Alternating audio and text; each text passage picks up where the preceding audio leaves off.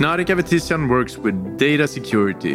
In this episode, she explains how to avoid phishing attacks, why Schibsted is paying hackers, and what we can expect from October, the Security Awareness Month. So, Knarik, welcome to Schibsted Talks. Thank you so much. Thank you for having me. This is very exciting. So, what is security awareness? Why is it important? Excellent question. A security awareness is a type of training that educates the employees on a cybersecurity landscape. It ranges from phishing simulation, in person trainings, games, video modules, you name it. Yeah. Anything that helps us raise awareness regarding security and strengthen our security posture is security awareness. And why it's important is kind of self explanatory. Yeah, because it is a big threat, right? Mm, yes. You mentioned phishing. I find that a bit interesting. What is phishing? Explain it to me. Well, phishing is a type of activity that bad actors do in order to gain access to our personal information, to our user credentials, like username, password. Could you give an example of an, an phishing expedition? How, how, how would they try to trick me? They'll send you an email. Yeah. And they'll make you feel very anxious. Mm-hmm. You will feel like something really bad happened. Your account was hacked. Oh, so that that's basically my account. It's not like your granny is sick or something. That could happen too. Yeah. Sometimes it's the other way around though. So they trick the grandparents like, "Oh, your grandson is in jail. Send money to bail your yeah. grandson out of the jail." So that can happen too. It ranges from your account was hacked till I'm your CEO, transfer three million crowns to this account. But, honestly, people really fall for this stuff. They do. Still. Yes, they do. Big and small companies, small for this, and yearly there is billions of dollars lost to phishing attacks. Hmm. Anything else I should look for? I mean, what should I be aware of when it comes to phishing attacks? You mean like uh, red flags? Yes, what mm. are the red flags? Red flags will be the sense of urgency that yeah. you feel when you read it. Yeah. Spelling and grammatical errors in the text itself. The generic greeting. So if they're bad bad at grammar, my friends horrible spells, but but in general, but, but they, you know the sender, right? So if yeah, you know yeah, the sender, if you don't know the sender, like that's a red flag as well. You don't expect to get anything from that sender. Yeah, they're like oh very generic, like dear customer or dear sir. Like they don't know your name. Your your friends would know your name, right? Yeah, yeah. Unexpected attachments of weird formats suspicious links or links that don't lead to the destination when you hover over. Yeah. All red flags. I read somewhere that, that you actually uh, conduct your own phishing expeditions at our. Yeah. Uh, is that true? It's very true. We do our own phishing simulations through the platform called KnowBe4 so working for for Schibsted, I actually received an email from you yes, trying yes. to trick me. I think we even made the Norwegian news when we did the first the phishing simulation when we sent out the. And group. did you fool anyone? Surprisingly, yes. Oh, you did. And what was your? How did you do it? It was a Groupon email that we sent. Groupon yeah. is like um, a company that where you can buy deals, yeah. like Let's Deal in, in Sweden, for yeah. example. Yeah. They don't operate in the Nordics, so that should have been the first biggest red flag. That's why am I getting a Groupon email? We wanted to people to think that they're getting a 75% off discount to buy an iPad mini. Too good to be true. yes, indeed. Yeah. And yeah, we actually got, got some some clicks. It wasn't too many, but as I'll tell you later on in details about uh, some guests we'll have, yeah. even one person is enough to get us into a lot of trouble. I spend a lot of time on social media. Mm. What should I be aware about then? So you should not overshare on social media. Passwords, you shouldn't reuse your work password on your social media accounts for sure. And you should not share any accounts, especially not any work accounts. Like if you have any system. What do you mean share job accounts? Share with. Like share passwords, like you have maybe a special tool, maybe, I don't know, Trello or something. Yeah. And then you share a password with your team. So you're kind of mm, mm. not buying 10 licenses, but you're buying one. But then you're risking 10 times more when it comes to being exposed because they're that greed will be costly in the end yes indeed. i get it but in private life when you share a lot of personal information online mm. hackers can get hang of it they can pretend to be someone you know based on the information you share Yeah. They can trick you into clicking a link, so social engineering type of thing. Uh, or they can use the information you shared to guess your passwords. Maybe you shared name of your dog, where you live, where you work, places you like to go to, parents, friends, etc. Sounds conspirational, doesn't it? Or- is that what this work do, do to you? Yeah, I mean, you learn to be a little more cautious, but like I don't intend to, especially with the with the phishing attacks. Like my goal is not to trick as many people as possible to click and like, haha, gotcha. Like uh, quite the opposite. It's to raise awareness, get more people to talk about it rather than to click on stuff. So um, education is kind of more the goal. But in personal life, yes, I am more cautious when it comes to handling my own data. Who are the bad guys? Who are the enemies? Oh, so many of them. Yeah. you might call them mm, hackers. They are wildly considered just like hackers. And there is someone who explores methods of breaching defenses yeah. and exploiting weaknesses in a system network. Just to give you some examples. But then to me, uh, a guy in the basement is what I see. But, but who pays him yeah. or her? So uh, there are some type of hackers. They're not all the same. Yeah. So a classic one is a black hat hacker. Yeah. So it's someone who violates, um, yeah, security for reasons beyond malicious or they're just p- for personal gain. So it's just self interest. Yeah, yeah. That should not be confused with a white hat hacker. So that's um, a security professional who uh, does this not for their personal gain. They do this to perform penetration tests or for themselves or for their clients. So they are the good guys. And then there's hacktivism. Have you heard about hacktivism? No, not really. So, a hacktivist is a hacker who utilizes technology for like social, ideological, political reasons, and it can be divided into two main groups. So, first one being cyber terrorism, and that's when activists involving website they engage in defacement or denial of service attacks and freedom of information type of hacktivism also happens that made the news in the US sometimes Yeah, yeah. ago when making information that is public but is in non-machine readable format so they mm-hmm. make that non-public information public for the freedom of information so that's hacktivism as well there's two other types I want to mention, Yeah. and then there's nation state. So when intelligence agencies engage in cyber warfare, Yeah, oh, when CIA hacks into my computer. yeah, if they if they want to, for example, but it's more like against nations. They do nation against nation. Also Cold War stuff maybe, and then organized crime gangs, of course. Just like there are organized crimes we see on the news, they're more like physical with the guns and stuff. There is the same stuff happening with online, right? So organized uh, criminal gangs there, group of hackers that carry out organized criminal activities, such as, for example, ransomware. Uh, it's a type of malicious software that takes control of your computer or system, servers, you name it. And then they want a ransom for it. So they want payment. So they say they will decrypt your information in exchange for the payment. So That's vicious. Uh, that is called ransomware. Yeah, ransomware attacks.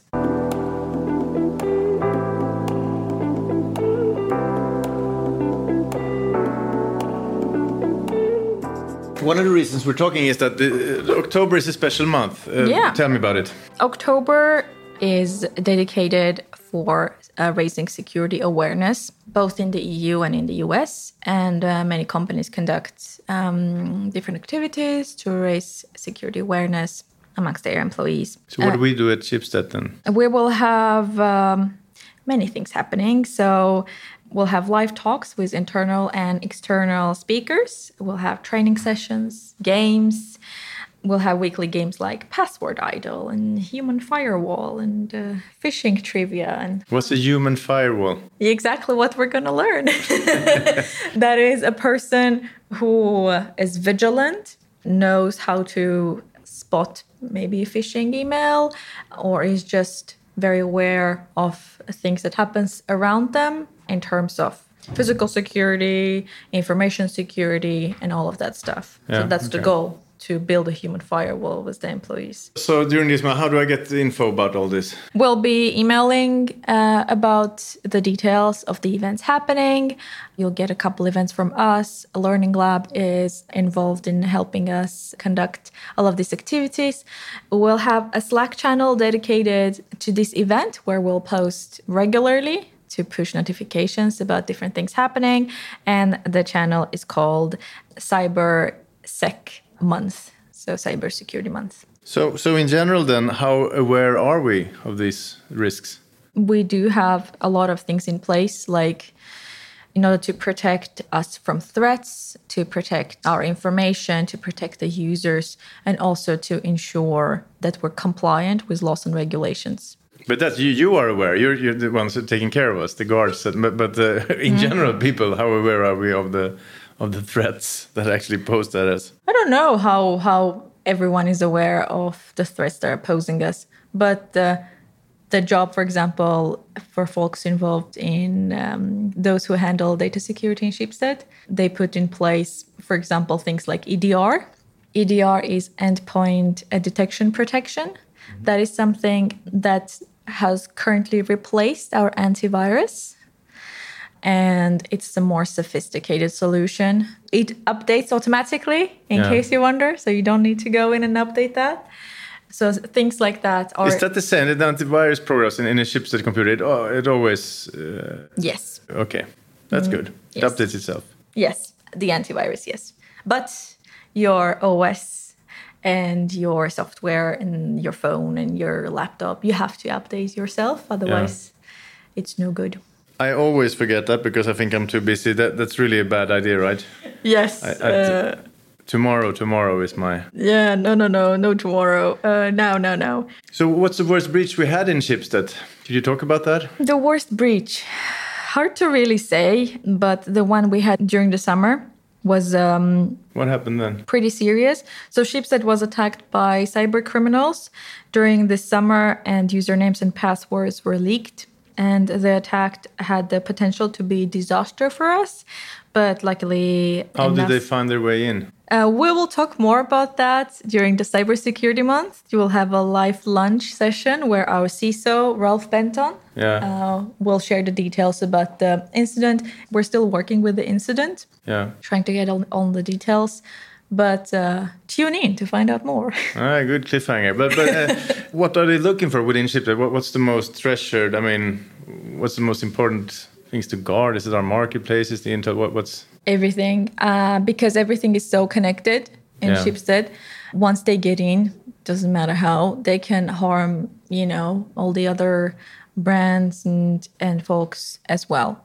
So because we're becoming more and more kind of like put together and centralized, um, I think there isn't like one place that is more important. so if they get in, they can close down Aftonbladet.se and and get all the customers out of Finn.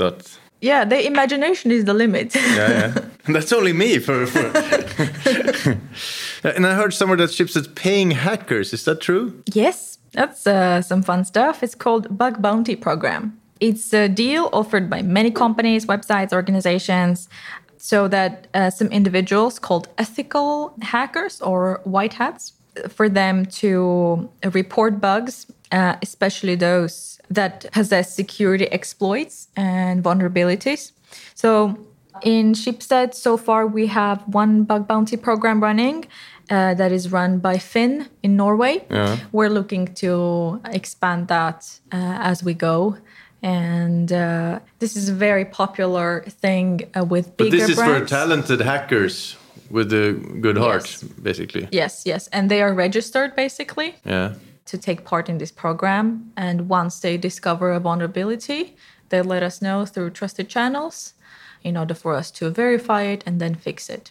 Yeah. So they're not looking to harm us.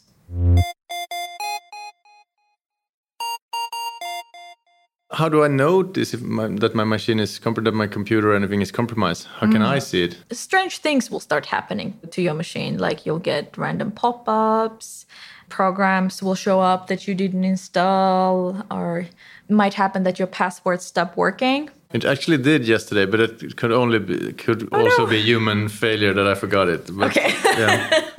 Yeah. And then fake emails, messages might start coming out of your accounts. Who am I gonna call? Service desk. Service desk. Yes, contact service desk. Umar Service. Yeah. Okay. Good. Yeah, contact service desk right away. But I would say the better thing to do is to be a little more proactive. So, like, don't wait until that happens. Yeah. Um, keep your stuff updated and use a VPN when you browse. Use two factor authentication, password manager to manage all your passwords so you don't write them on a on like a notepad or Yeah, Google yeah. Docs and never ever click suspicious links. So, so working for a big company like Schibsted is, I mean, there are some risks. Uh, and, and how do you rank uh, the, the data security attack as a risk? very high. So cybersecurity risks are ranked very high, and they're because they possess a very high business risk as well within Schibsted.